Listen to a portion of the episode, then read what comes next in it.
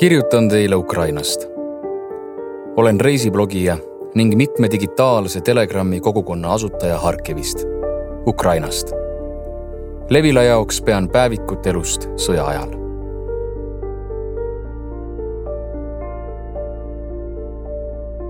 sõja teine reaalsus, okupatsioon ja Hersoni oblast Katja nägi okupante esimest korda oma silmaga üheksandal märtsil oma kodulinnas Skadovskis, mis asub Hersoni lähedal. okupandid hõivasid sõjakomissariaadi, linnanõukogu, väeosad, prokuratuuri, politseijaoskonna. seejärel seadsid venelased end sisse linna keskväljakul. arusaadavalt tekitas Vene okupantide kohalolek tugeva äratõukereaktsiooni mistõttu kutsuti linnarahvas kiiremas korras miitingule. nähes meeleavaldajate kogunemist, läksid venelased liikvele ja sõitsid minema. mind paneb siiamaani imestama, et need venelased karjuvad kogu aeg, kuidas nad tulid meid vabastama ja kuidas kõik neid siin kangesti ootavad. kuid isegi nähes, et neid mitte keegi mitte kuskil ei oota, väidavad nad jätkuvalt, et neid siiski oodatakse. hämmastav nürimeelsus ja loogika puudumine järgmine kord tulid venelased tagasi kolmeteistkümnendal märtsil, kaasas suurem hulk tehnikat ja inimesi.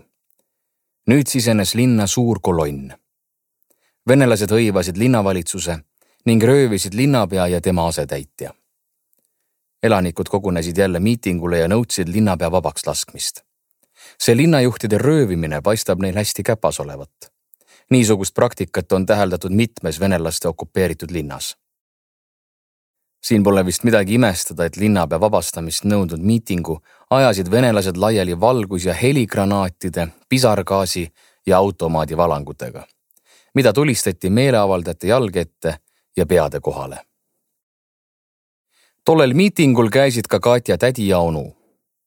ta juhtus neile helistama just sel hetkel, kui venelased avasid automaadi tule. miitingulised tõrjuti väljakult umbes kilomeetri kaugusele Katja tädi ja tolle sõbranna lohistasid minema kuuli jalga saanud mehe. naised peitsid ta ära ja andsid talle esmast abi. Katja onu jäi miitingule edasi, kuni see lõplikult laiali aeti. hiljem lasti linnapea vabaks, kuid tema retoorika avalikus inforuumis muutus. ta hakkas väitma, et linnas on kõik rahulik ja mis peamine, kommunaalteenused toimivad vanaviisi.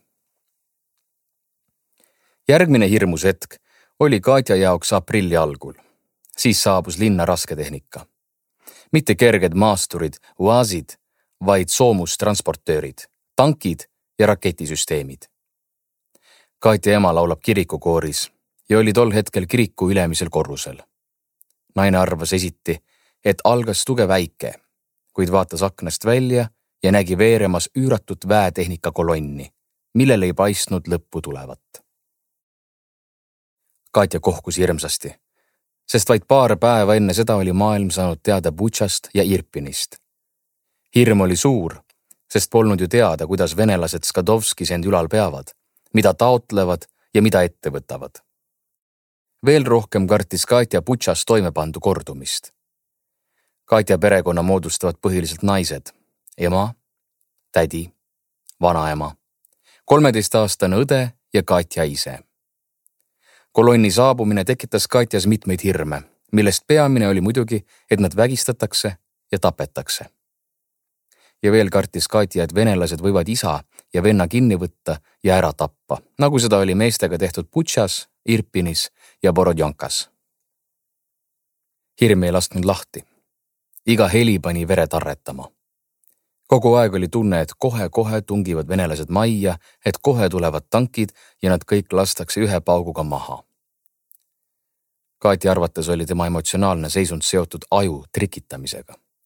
kujutlusvõime maalis silme ette kõige jubedamaid stsenaariume. Katja tädi töötab regionaalvõimu tasandil juhtiva ametnikuna mingil hetkel kutsuti kõik, kes kohalikku võimu puutuvad kokku ning kästi valmistuda rubla käibelevõtuks samuti kästi kõikidelt haldushoonetelt Ukraina lipud maha võtta. Peamine nõue oli, et ei mingeid miitinguid. külavanematele öeldi, et kui kuskil peaksid mingid protestimeeleolud avalduma, tehakse need külad maatasa. ja kui kuskil linnas peaks miiting toimuma, lubasid venelased seal järgmise putša korraldada. paari päeva möödudes, kui venelased olid end linnas põhjalikult sisse seadnud, hakkasid nad tegema reide korteritesse, majadesse ja ümberkaudsetesse küladesse, otsides kahe tuhande neljateistkümnendal aastal Donbassis sõdinud veterane.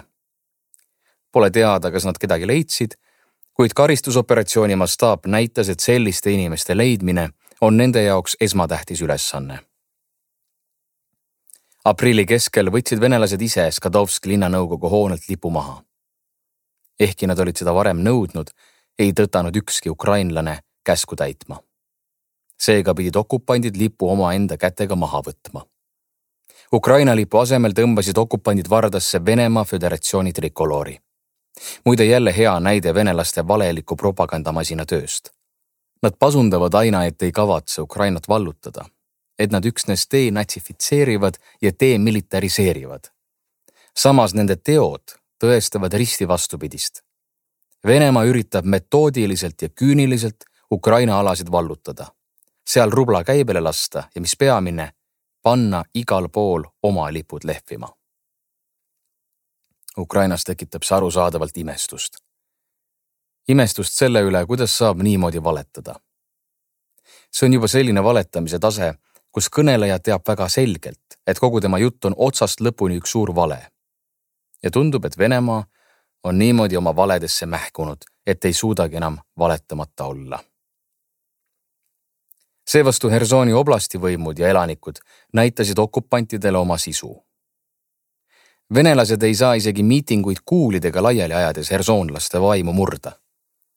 terve kolonni täis väetehnikat ja omavalitsustegelaste heidutamiskoosolekud ei saavutanud seda, et ukrainlased oleksid oma kätega haldushoonelt Ukraina lipu maha võtnud.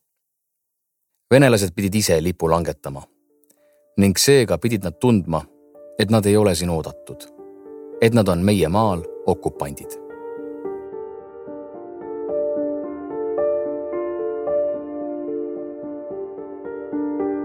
autor Taras Kovaltšuk, tõlkija Veronika Einberg, toimetaja Iisa Laan. audiolugu loeb Karmo Nigula. salvestus, helikujundus, originaalmuusika Konstantin Tsõbulevski. Levila kaks tuhat kakskümmend kaks